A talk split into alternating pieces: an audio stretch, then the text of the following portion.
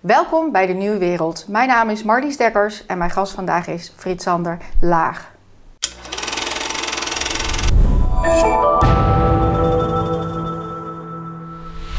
Welkom. Dank je. Mooie naam, Frits Sander. Ja, dankjewel. Jij bent uh, statisticus en ingenieur. Ja, dat klopt. We nemen dit op vrijdag, volgens mij is het een uur of vier of zo. Zometeen worden nieuwe maatregelen aangekondigd. We gaan waarschijnlijk weer drie weken in een lockdown. 2G ligt op tafel. Uh, we gaan van 3G misschien naar 2G. Nou, jij kijkt vanuit jouw vakgebied naar data.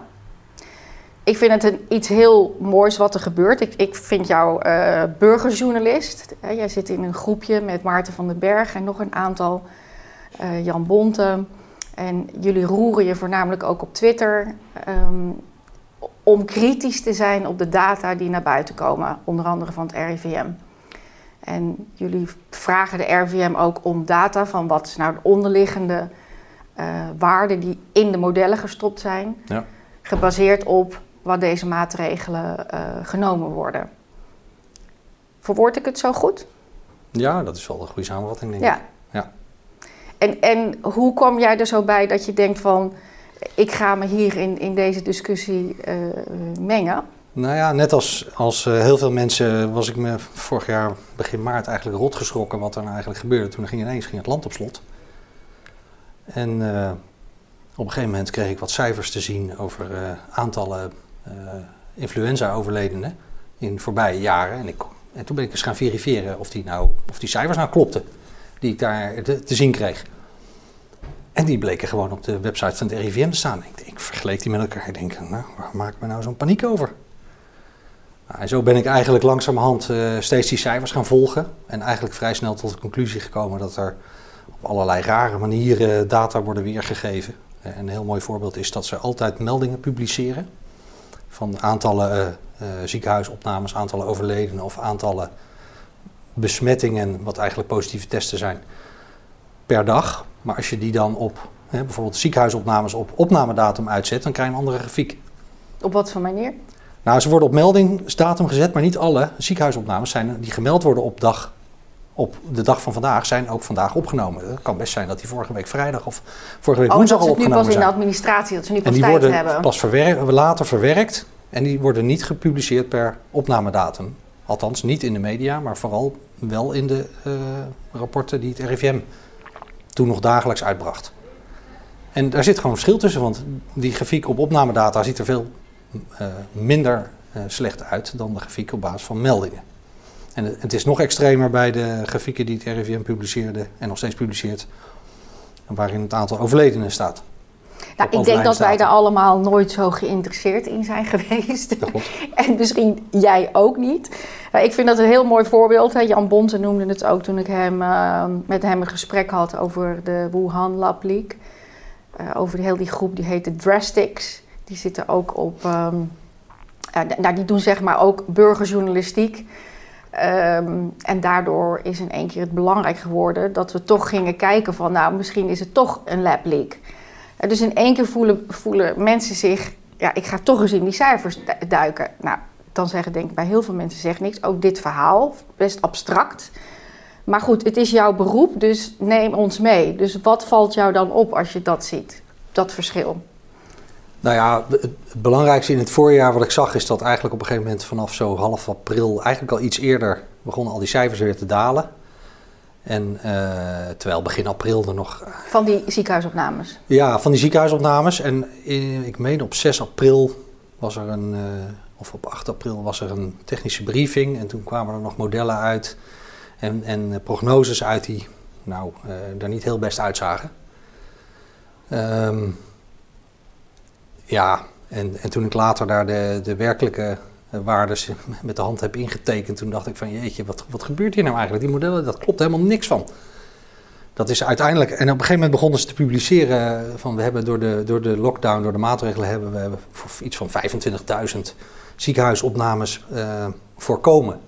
En toen ik dat las, dat stond in een van de stukken van Jaap van Dissel, in een van die slides die, die aan de Tweede Kamercommissie voor VWS altijd laat zien in die technische briefing. En toen dacht ik van ja, waarom komt hij daar nou bij? Dat En we kan toch spreken niet over kloppen? wanneer- Dit is, dit is zeg maar mei, nee, dit zal zijn geweest mei, juni vorig jaar. 20, ja. Ja, en ik heb toen ook een keer eh, in, een, eh, eh, in een vereniging waar ik lid van ben, heb ik een keer een presentatie gehouden. En dat had ik ook getiteld De Pandemie van de Angst. Omdat ik vind dat dat is een goede benaming voor wat er eigenlijk, eigenlijk aan de hand is. Ehm, Maar die lockdowns die worden, worden ook beetje verkocht. Hè, wat vanavond waarschijnlijk ook weer wordt aangekondigd met het feit... daardoor zijn 25.000 doden Ja. voorkomen. En ik was daarin geïnteresseerd geraakt omdat die, die, eh, daar, dat hebben ze dus bepaald op basis van modellering. Nou, dan zeg ik van nou, dat is prima, ik weet hoe modellen werken. Eh, Dus dan wil ik graag zien hoe dat model dan in elkaar steekt. Met de onderliggende data die, die jullie daarbij gebruiken. Ja, dus wat Waarom? klop, je, wat klop je in die modellen? Ja, je, je, hebt bepaalde parameters die je erin stopt. En die hebben bepaalde eh, vooraf, wellicht vooraf geschatte waarden. Eh, misschien zit er wat variatie op. Nou, hoe dat allemaal in elkaar steekt, plus de onderliggende data die ze gebruikt hebben. Daarmee kan je kijken, eh, kan je gaan, aan- gaan spelen en dan zien wat voor effecten er ontstaan eventueel. Nou, wat je eigenlijk dan daarna wil doen, is met zo'n model wil je een voorspelling doen. Ehm, maar je zult ook altijd moeten nagaan of die voorspelling dan ook later, je zult moeten nagaan of die klopt. Nou, we weten inmiddels nu, iedereen die heeft dat kunnen zien, hoe goed de modellen van het RIVM afgelopen jaar eh, gepresteerd hebben. Dat is bepaald een, eh, een- misschien een 1 plus, als je daar een rapportcijfer aan zou moeten toekennen. En ja, Ja, vanuit jouw, en, en vanuit die modellen... vanuit jouw vakgebied denk ik. Want ik, doe, ik denk... Nee, nee, nee, nee de- puur als je de- kijkt naar de de... pers die vindt volgens mij dat dit gewoon een perfect, Ja, maar- perfect werkt. De pers en de neemt, politiek ook, want die volgen dit op. ze nemen voor zoete koek aan dat, dat wat uit dat model komt, dat dat als het ware de waarheid is.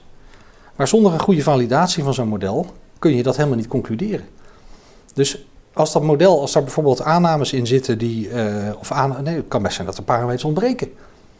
Het is heel lang eh, heel schimmig geweest in hoeverre seizoenseffect in de modellen zit. Volgens mij zit het er nog. En dan is nog de vraag, als het erin zit, wat voor gewicht heeft het? En eh, als je het mij vraagt, eh, zit het er nog steeds nauwelijks in. Maar goed, ik kan het niet verifiëren, want ik heb die modellen niet. Nee, maar jullie vragen het hè, als groep, vragen jullie regelmatig aan de RIVM. Geef, geef ons dat wel. Nou, sterker nog, dit is, dit is de aanleiding geweest voor mij om een WOP-verzoek eh, te doen bij het Ja. RIVM. Om die modellen te krijgen. En eh, dat heb ik eind september vorig jaar heb ik dat gedaan. Met Toen- openbaarheid bestuur. Ja. En eh, nou goed, ik had toen al een bezwaar lopen volgens mij. En Wiebren van Hagen heeft toen in de Kamer dat gebracht op 24 februari van dit jaar. Daar is, heeft hij een motie over ingediend, dat die ook geopenbaard moet worden. Die motie is aangenomen, maar tot op heden. is Weten we het het niet.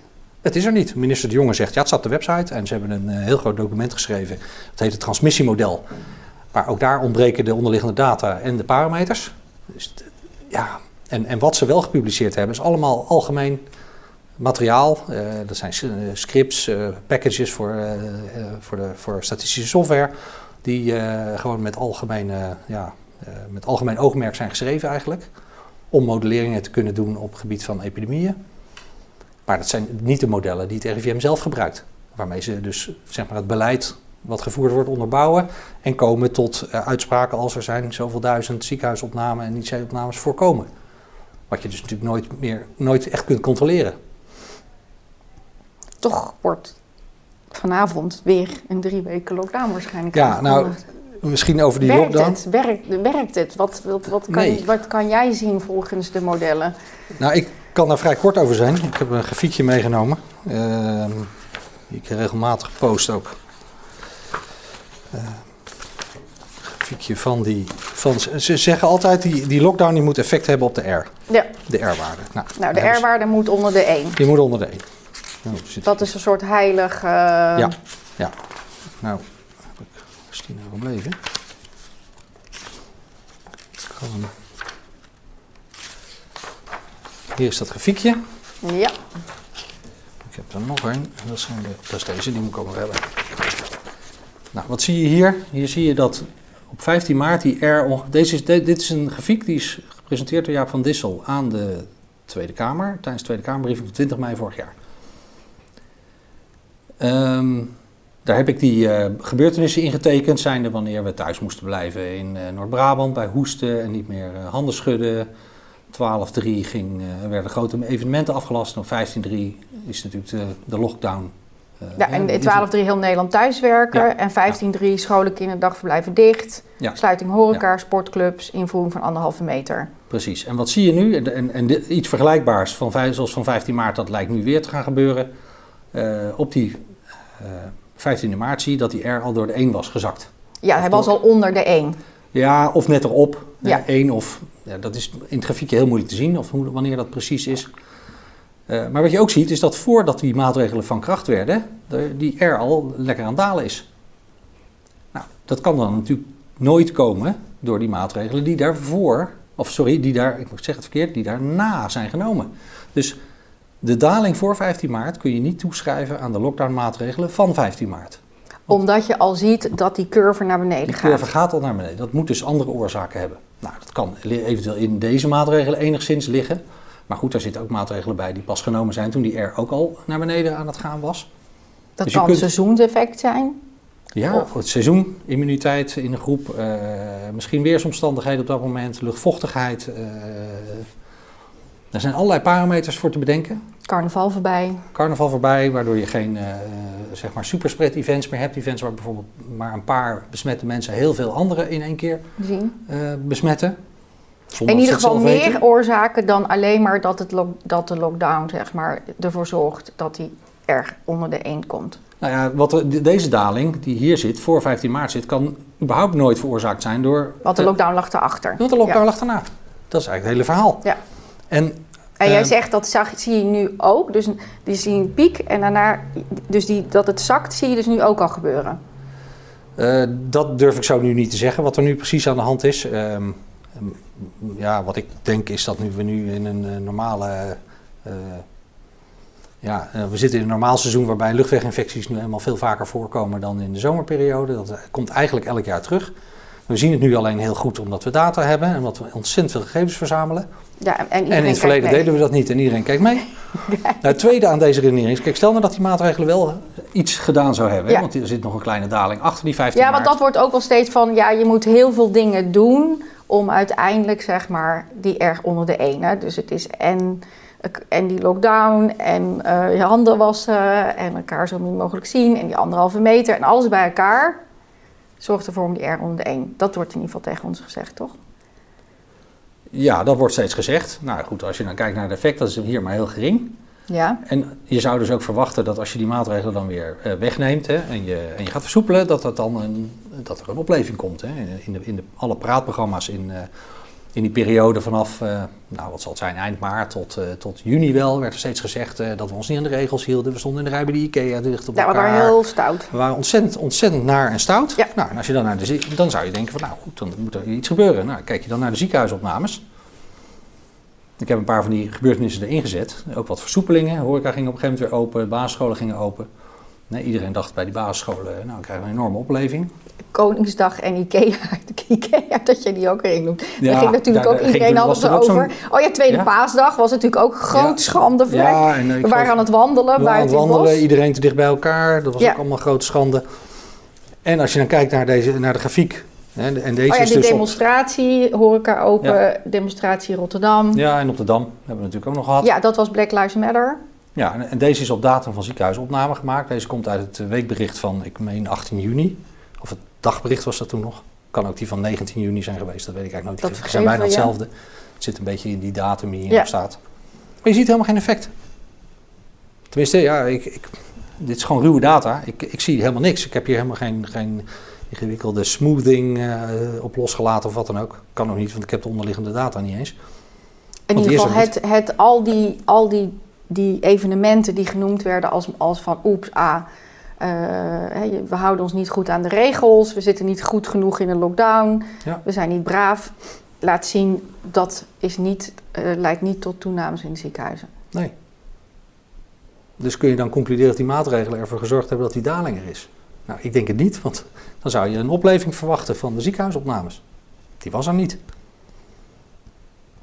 Dus mij is het echt een groot raadsel hoe ze nu weer kunnen bedenken dat maatregelen weer verder verzwaren, dat dat zin gaat hebben. Ja, dat... een ander voorbeeld, als je naar Florida kijkt, dan zie je dat daar is ook een, uh, afgelopen augustus een vrij grote opleving geweest van ziekenhuisopnames. Die zonder dat ze iets gedaan hebben ook weer volledig in elkaar gekukeld.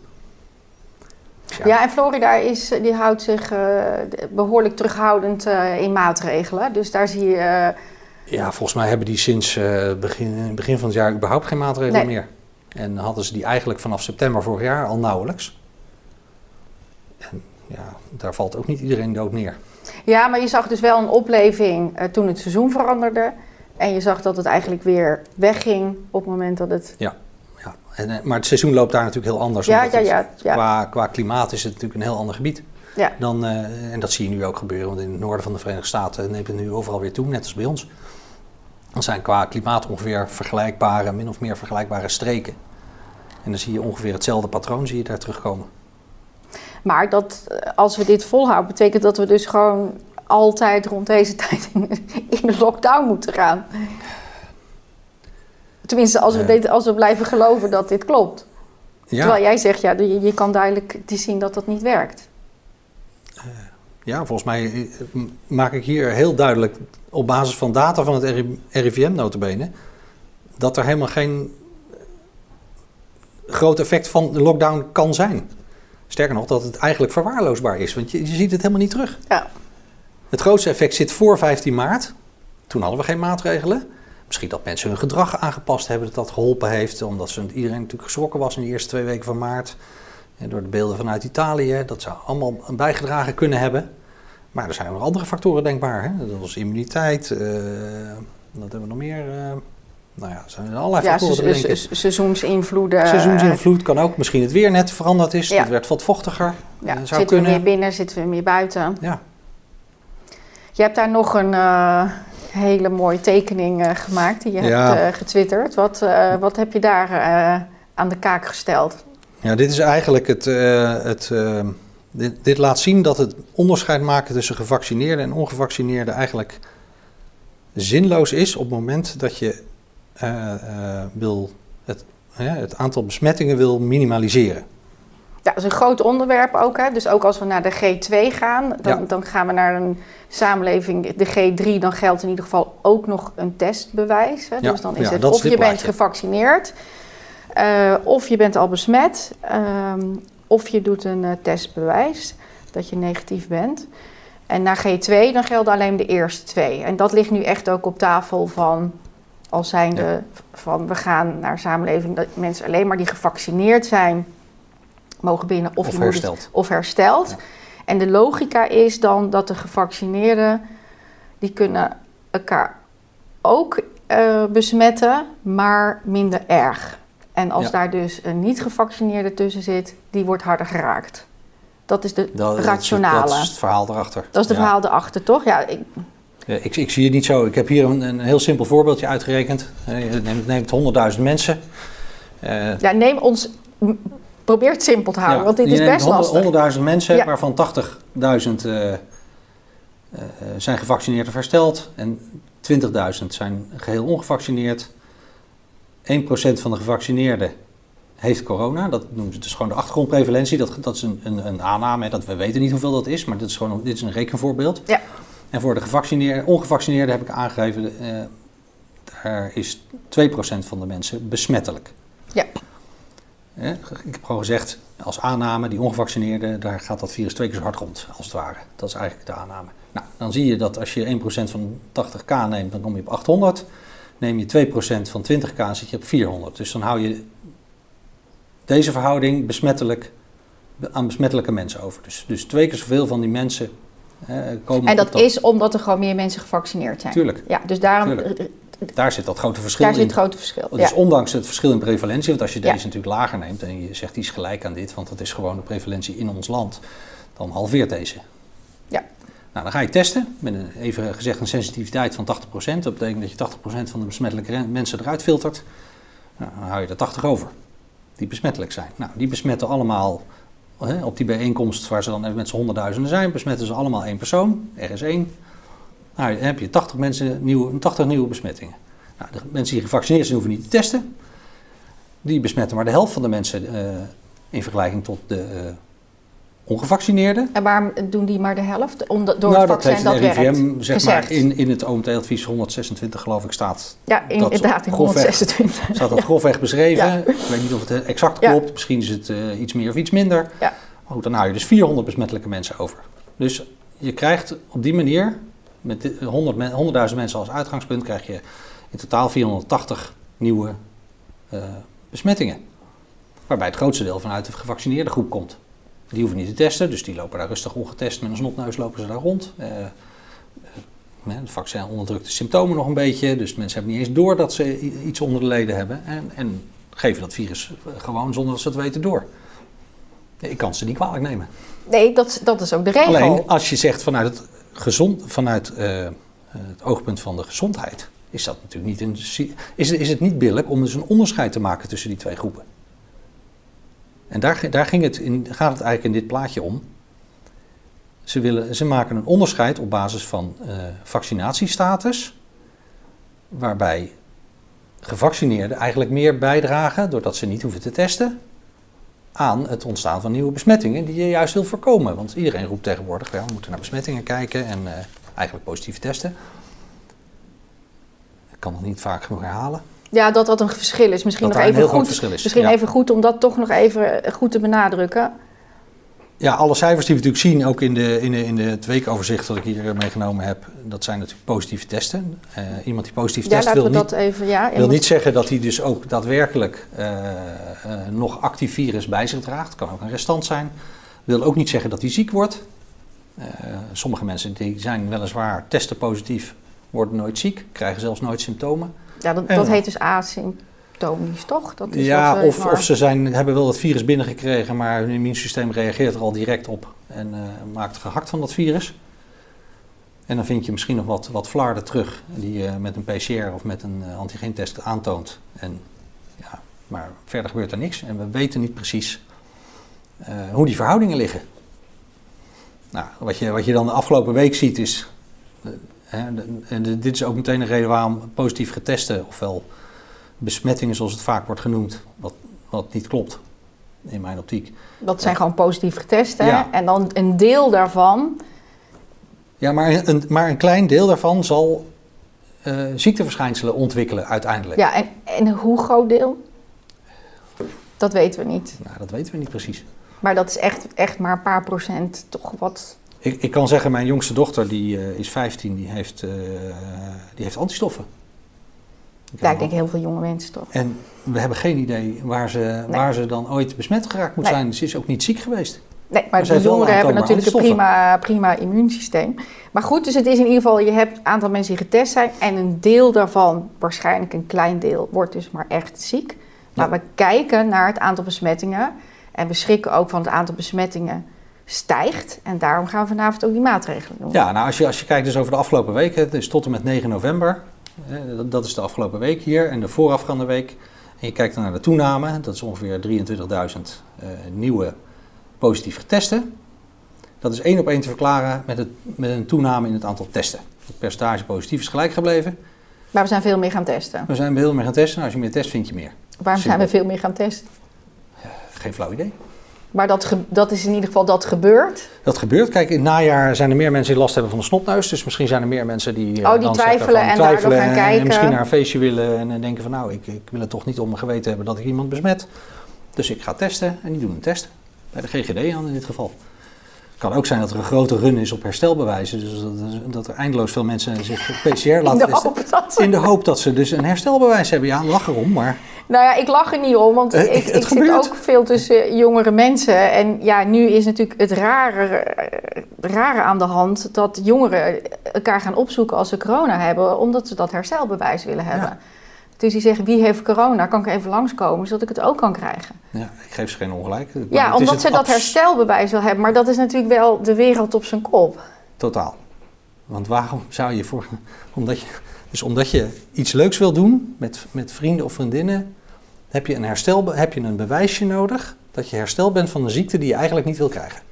Nee, precies. Ja, maar, is- dat, ja, Ja, maar daarom hebben ze een jaar lang hun vrijheid weer terug. Ja. Maar daarna Ja, begint het feest weer van Ja, aan ja, ja. ja, wie zal het zeggen? Ja, nee, ik ga ook iedere keer eh, als er dit soort vreemde gedachten naar jouw eh, account toe, breng ons helderheid. Maar goed, jij zegt hier dus ook het aantal positieve, eh, positief getesten. Dat komt dus omdat er gewoon veel meer getest is. In dit, in dit voorbeeld wel. Van komt ook voor dat, het- dat het percentage eh, positief stijgt in dezelfde week. En dat zou dan een indicatie kunnen zijn dat je wat meer eh, incidentie van het virus in het land hebt, zeg maar. Maar dat kun je nu niet concluderen. Dus nu is het gewoon. Maar sowieso het aantal testen is, is vrij maatgevend in hoe hoog die piek wordt. Kijk, als je nog twee keer zoveel test, dan wordt dit getal waarschijnlijk nog twee keer zo hoog. En wat gaan we dan doen? Dan is het aantal per 100.000 inwoners wordt dan eh, nog een keer eh, verdubbeld. Ja, maar het is, Ja, het terwijl, is- terwijl het feitelijk aan de situatie natuurlijk niks verandert. Want hè, de, een, een x-aantal mensen is besmettelijk, of is ja, corona-positief, zou ik maar zeggen, in het land. En of, als ik 400.000 van die mensen test, of ik test er 800.000, als ik er 800.000 test, ga ik er meer, in absolute zin, meer vinden.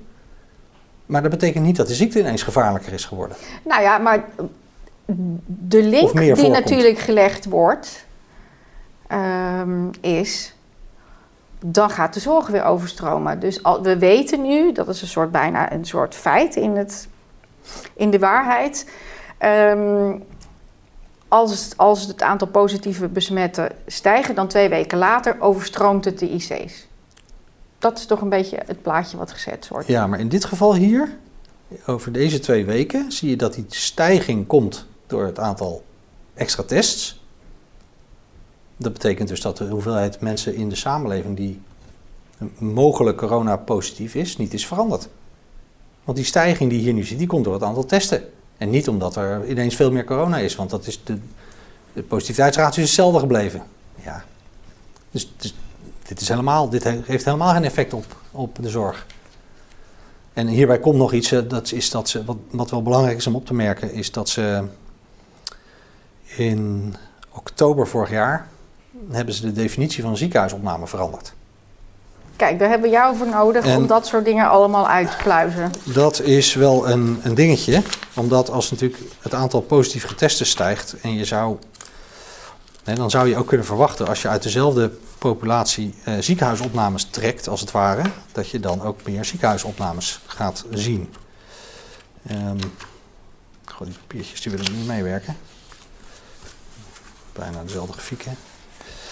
Kijk, ik heb hier een, eh, een, een, een screenshotje van de defi- definitie van een ziekenhuisopname die achter het coronadashboard hangt. Ja, En ze hebben toen gezegd van ja, er is een onderrapportage doordat de GGD niet altijd meer informatie over ziekenhuisopnames van COVID-patiënten krijgt. Volgens mij zijn ziekenhuizen verplicht, omdat het een categorie A ziekte is, Mhm. om die ziekenhuisopnames ook door te geven aan de GGD. Dus daarom zie je ook, dat het gebeurt ook nog steeds. Ze hebben die meldplicht. En dan zeggen ze hier, het bestand van NICE, wat ze vanaf midden oktober zijn gaan gebruiken, is completer, maar hanteert ook een ruimere definitie van ziekenhuisopname. Osiris, GGD, neemt alleen de patiënten mee die vanwege COVID-19 in het ziekenhuis liggen, terwijl NICE ook ziekenhuisopnames rapporteert van patiënten die met COVID-19, maar die om een andere reden in het ziekenhuis zijn opgenomen. dus ik heb een gebroken been en ik word getest. Dan lig ik daar toch voor COVID. Dat zou dus kunnen, ja, dan word je hier wel meegeteld. En er zijn nog allerlei andere oorzaken te bedenken. Misschien heb je wel een ander soort luchtweginfectie. Maar, en, en blijkt dat je toch positief test om wat voor reden dan ook. Eh, maar is dat niet je opnamereden? Dus, dat, is het- vervuilt de cijfers of dat, dat Ja. verhoogt het? Of ik, hoe- denk, ik denk van wel. En als je dan kijkt hoe dat uitwerkt. Ik heb hier eh, wat, eh, ik heb die twee datasets naast elkaar gezet. En dan zie je dat NICE en eh, GGD-data eigenlijk in de eerste golf heel mooi over elkaar heen lopen. Het is dan per leeftijdscategorie, dus dat maakt het even iets lastiger. Maar je ziet vanaf eh, midden oktober zie je gewoon dat ze uit elkaar lopen. En dat eh, de rode, dus de NIC-cijfers, dat die bijna factor 2 hoger zijn. En die rode is dus sinds, sinds ze zijn gaan melden Ja, van is- iedereen... Daar, op het moment waar je de beide grafieken uit elkaar ziet lopen, daar is dat ongeveer gebeurd. Rond die, rond die periode. Dat is natuurlijk helemaal niet helemaal precies te duiden, maar zijn we het anders gaan definiëren en zie Ja. je dus dat het... Ja. Ja. in sommige is het meer dan verdubbeld. En als je kijkt naar de jongere leeftijdscategorieën, wat daar gebeurt. Dit is, deze is dus een heel vuil plaatje, want hier heb ik één en dezelfde schaal gebruikt voor alle leeftijden. Ja, Maar de aantallen ziekenhuisopnames zijn voor de oudere categorie natuurlijk veel en veel groter. Ja. Nou, dat zie je hier helemaal terug. Dus tot 40 gebeurt bijna niks. Ja. Zijn ze bijna vlak, beide eigenlijk. En bij, ja, tot 20 jaar zie je al helemaal geen verschil. Want dat zijn maar hele, ja, dat zijn zo weinig ziekenhuisopnames. Ja, gelukkig. Dus dat is meteen misschien een bruggetje naar eh, waarom eh, eh, ik niet begrijp dat we de jeugd allemaal massaal willen vaccineren. Is, wat voorkom je daarmee? Nou, kijk maar, dit, dit is wat je ermee voorkomt. Ja, niks. Ja, nou ja, ik, ik, ik moet iedere keer even toch de, het, verwoorden wat het gedachteframe is. Uh, dat is natuurlijk omdat dan de kinderen papa, mama, opa en oma uh, kunnen besmetten. Dus dat ze wel het virus bij zich dragen, misschien geen last hebben, maar wel anderen kunnen besmetten. Dat is natuurlijk ook de last die we op hun schouders leggen. Ja, alleen ik denk dat nu inmiddels wel heel, heel erg duidelijk is geworden dat vaccinatie niet beschermt tegen transmissie. Misschien de eerste twee maanden, mhm. maar daarna neemt hij zo snel af. Blijkt uit allerlei onderzoeken en ook uit uh, data uit Israël en Engeland dat daar gewoon geen, helemaal geen sprake meer van is. Dus, je wordt er minder ziek van, misschien? Wellicht. Wellicht. Uh, minder ziekenhuisopnames, maar tegen wellicht. Maar tegen dat je dus de ander het kan geven. Ja, doet het niet veel. Dus dat haalt het argument eronder uit, vind jij, van dat we kinderen vaccineren? Ja, dan gaan we, gaan we kinderen vaccineren om ouderen te beschermen. Ik vind het een beetje een omgekeerde wereld. Ik ben er op deze aarde om mijn kinderen te beschermen en niet andersom. Dus als ik bang zou zijn voor mijn kinderen dat ze iets meenemen, dan, uh, ja, dan kan ik beter op zolder gaan zitten en me afzonderen, dan dat ik uh, hen in hun bewegingsvrijheid uh, ga beperken. Dat zou ik absoluut niet willen. Ja, jij, jij zegt ook dat is een, cirkelredenatie, toch? Van de, van de Gezondheidsraad. Ja, de Gezondheidsraad heeft een advies gemaakt op 29 juni. Dat heb ik doorgeplozen. En wat zij zeggen inderdaad is, ze zeggen ja, op basis van modelberekeningen, daar zijn ze weer, uh, weten we, denken we dat als we kinderen inenten, dat dat een 15% eh, ongeveer, dacht ik als ik het goed zeg hoor, reductie geeft van die R in het najaar. Nou, ja, hoe ze dat kunnen concluderen op basis van modellering is mijn groot raadsel. het tweede is, en vervolgens zeggen ze van ja, maar als de kinderen gevaccineerd zijn, dan zijn er misschien minder besmettingen. En dan hoeven we geen maatregelen te nemen. Dus, dat is inderdaad wat gezegd wordt. Ja. Dat is wat gezegd wordt, maar, dat is natuurlijk een, maar dan ga je er alweer impliciet vanuit dat die maatregelen ook daadwerkelijk echt een effect hebben. Nou ja, je gaat ervan uit dat die vaccinatie een effect heeft, dat de maatregelen, dus je gaat van... Nee, maar, nee, maar de Gezondheidsraad zegt dus, we, hebben, we, hebben, uh, we vaccineren die kinderen en dat zorgt ervoor dat, die, dat er geen maatregelen nodig zijn om die R laag te houden. En dan hoeven we geen maatregelen te nemen. En die maatregelen zijn schadelijk voor kinderen, dus op die manier helpen we die kinderen. Maar die maatregelen, je moet je afvragen, we moeten ons niet afvragen of, of we op die manier die R kunnen verlagen, we moeten ons afvragen of die maatregelen wel helpen. En dat is nooit aangetoond. En daar hebben we het eerder net over gehad. Dat heel duidelijk uit de data van het RIVM te halen is dat die maatregelen helemaal niet werken. En sterker nog, in Zweden zijn de scholen tot 16 helemaal niet dicht geweest. Er zijn geen kinderen overleden en uh, hele grote problemen heeft het niet gegeven. Daar zijn onderzoeken naar gedaan, gepubliceerd. Ja, ik heb Frans Koppies hier gehad. Die heeft heel veel onderzoeken daarop uitgespitst. Ja, ja. Ehm, ja, dus er is geen enkele reden om scholen te sluiten. En uh, om dat dan te gebruiken, hè, dat ze geen maatregelen krijgen als reden om ze in te enten, ja, dat gaat helemaal nergens over. Die kinderen hebben die bescherming helemaal niet nodig. Je ziet het hier al aan de ziekenhuisopnames. Dus wat ga je dan voorkomen aan ziekenhuisopnames? Nou, die lijnen liggen ongeveer op nul. En uh, gelukkig zijn overlijdens helemaal bijzonder zeldzaam onder kinderen. Zeker onder 0 tot 20. Mondkapjes. Er zijn drie kinderen overleden, waarvan ik niet zeker weet of ze onderliggende aandoening hadden. Ja, of ja die hadden onderliggende aandoening. Ja, dat is, drie kinderen ja. In de, sinds maart 2020. Ja. Wat wil je daar met vaccinatie bereiken? Niks. Er is niks. Dus van niks, ja, je kan, je kan niks proberen uh, een factor 5 uh, eh, te verlagen, maar dan praat je over relatieve, over relatieve zaken. Vijf keer niks is nog steeds niks. Maar wat moeten ouders nu doen als ze jou dus nu horen van het, het, het, het heeft geen zin, je loopt best wel een risico op, het is die kans ook klein, maar er zijn wel bijwerkingen. Ja. Um, Maar anders mogen je kinderen direct gewoon worden overal buitengesloten. Ja, ik, eh, op basis van de data is mijn conclusie dat het geen enkele zin heeft om, eh, om kinderen, maar ik denk zelfs mensen onder de 40, om die überhaupt eh, in te enten. Want dat heeft voor hen in ieder geval geen toegevoegde waarde. In termen van dat het hun kansen op ernstige corona, ernstige covid of overlijden vermindert. En vermindert in een zin die praktisch e- enige significantie heeft. Want kijk, als ik een kans van 1 op de 100.000 1 op de 100.000 naar 1 op de 80.000 breng doordat ik vaccineer, of 1 op de 50.000, dat is een factor 2. Ja, die zijn, kansen zijn praktisch allebei nul. Dus dan ga ik van 0 naar 0. Dus ik ga iets doen, ik ga van 0 naar 0. En ondertussen breng ik misschien een kans op een bijwerking van 1 op 5000 in. Ja, Dan ben ik dus eigenlijk verkeerd bezig. En dat is een beetje waar ik me druk over maak. En je ziet nu ook dat bijvoorbeeld bij het Moderna-vaccin in een aantal landen al eh, stopgezet wordt. Ja, Juist vanwege die eh myo- en pericarditis bijwerkingen die het vooral bij jongeren, hè, bij jongere mensen jongens, en geeft. vooral bij jongens. Ja. Mensen die geen risico lopen als ze een infectie krijgen. Ja, en dat is natuurlijk niet de bedoeling. Nee. De mondkapjes, die zitten jou volgens mij ook hoog. Hoe ver is daar de rationale? We moeten ze weer op in de, Ja, eh, nul is die. Ik heb een heleboel eh, randomized control trials gelezen. En er is geen enkele waar een eh, effect van mondkapjes op virusverspreiding te vinden is. Ook het Deense onderzoek van vorig jaar niet. En er is nog een onderzoek gedaan in Bangladesh. Daar hebben ze wel een statistisch significant effect gevonden, maar op populatieniveau is het verwaarloosbaar. Ja, dan kun je echt afvragen, moet je dat dan wel willen met z'n allen? Ik denk van niet. Het heeft, het heeft gewoon geen zin. Maar mensen blijven maar volhouden. Ook in het NRC stond kennelijk vandaag een artikel eh, weer erover dat die dingen toch weer eh, helpen. En, ja.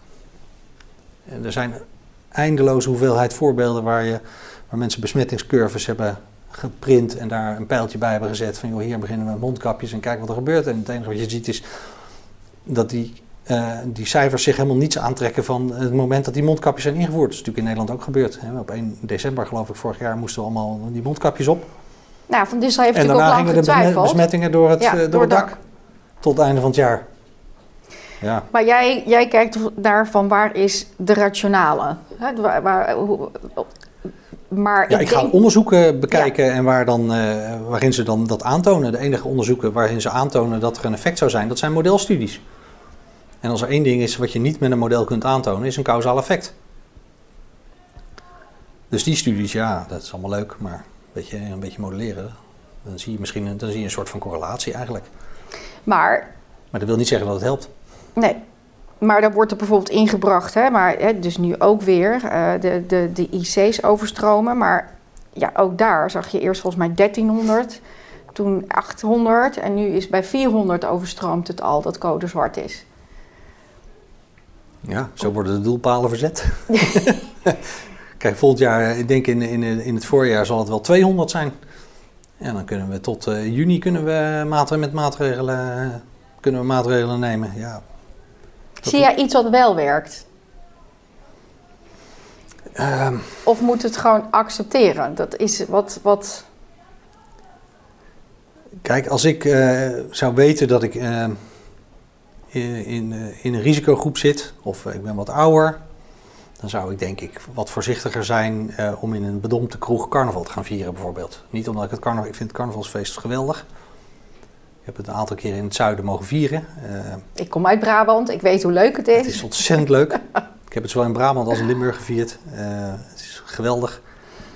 Dan is het de vraag of je dan misschien in zo'n kroeg met heel veel jeugd en, en mensen heerlijk nou in de olie, zoals het mooi heet, of, je daar dan, of dat dan slim is. Als je weet dat er, eh, ja, dat er veel ziekte in de samenleving is. Ja, ik kan me niet herinneren dat, dat ik me daar ooit druk over heb gemaakt dat er griep heerst. Of iets waarbij het ter sprake kwam dat het misschien niet slim was om dan in een volle kroeg te gaan staan. Ja, in principe Maar- was ook een beetje, daar word je weer sterker van. Hè? Dan krijg je het en dan ben je daarna weer weerbaarder. En zo werd er tegen, tegen gekeken. Maar, maar nu met corona heb jij iets van, nou, in ieder geval als je in de risicofactor wat ouder bent. En je ziet het hier ook aan de leeftijd in jouw grafieken. Dan gewoon wat terughoudend.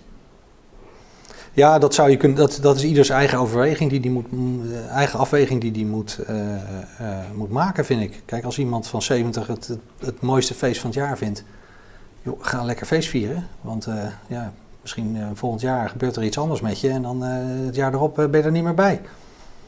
Dus dat is helemaal ieders individuele keuze, denk ik.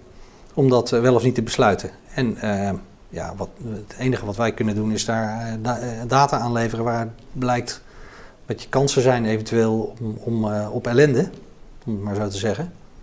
Je hebt Maar- daar nog wat, eh, wat data ja, liggen. deze, deze is eigenlijk hetzelfde, maar die, daar heb ik de schalen wel aangepast. Dat is meer om te kijken naar het verschil. En nou ja, die, die is verder niet zo belangrijk. Maar deze, deze is nog wel interessant. Die hebben ze- wat ze ook gedaan hebben is vorig jaar juni hebben ze de, zijn ze voor het bepalen van de R omgeschakeld van opnames, ziekenhuisopnames naar besmettingen, dus positief getesten. Ja, En- dat is ook een... ehm, Ja, en dat hebben ze gedaan omdat er dood eenvoudigweg te weinig ziekenhuisopnames waren om eh, op een betrouwbare manier eh, die R te kunnen schatten. Dan dachten ze van, we hebben veel meer data met die testen en dan, dan, kunnen we, dan wordt het daar nauwkeuriger van. Nou, wat je dan, dan zie ik een heel raar fenomeen, is dat midden in de zomer, waarbij met de ziekenhuisopnames eigenlijk niks gebeurt, ja. Dan zie je dat, dat die R, vanaf het moment dat ze dat zijn gaan doen, dat die grofweg net boven de 1 is gaan slingeren, in plaats van daarvoor grotendeels onder En wat 1. gaan doen is dat ze dus van het aantal ziekenhuisopnames omgegaan zijn naar het Ja, aantal ze zijn die R besmettingen. gaan bepalen op, op basis van het aantal ziekenhuisopnames. En daarmee rekenen ze dan de besmettingsdag terug. En een ziekenhuisopname, iemand die met luchtwegklachten in het ziekenhuis komt, die, dat is veel makkelijker te pinpointen dan, dan eh, wanneer iemand daadwerkelijk besmet is op basis van een positieve test. Want daar kan ook allerlei. Dus, en in- zoals ik al zei, in, in die, die, positief, die aantallen positieve testen zijn afhankelijk van het aantal tests wat je doet, maar ook van eh, de sensitiviteit van de test. Eh, en die sensitiviteit die heeft weer te maken met hoe die wordt afgenomen. Er is een heel proces voor die bepaalt of een, wat de uitslag wordt van die test. Hoe betrouwbaar die ook Ja, is. het kan best zijn dat, dat iemand hè, dat watstaafje in je neus duwt en dan vervolgens rondzwaait in een omgeving dat er Ja. virus is.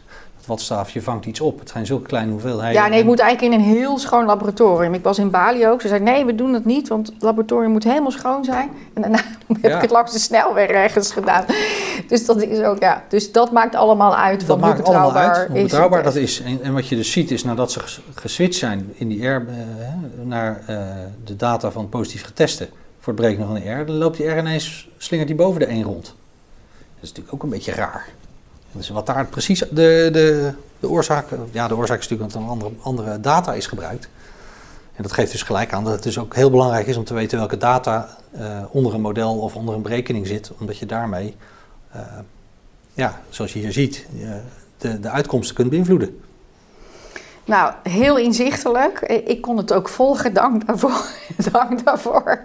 Nou, Frits Sander, ontzettend bedankt dat, jij dit, ja, dat je deze kritische houding eh, hebt. Eh, dit, dit hebben we wel nodig in deze tijd. Graag gedaan.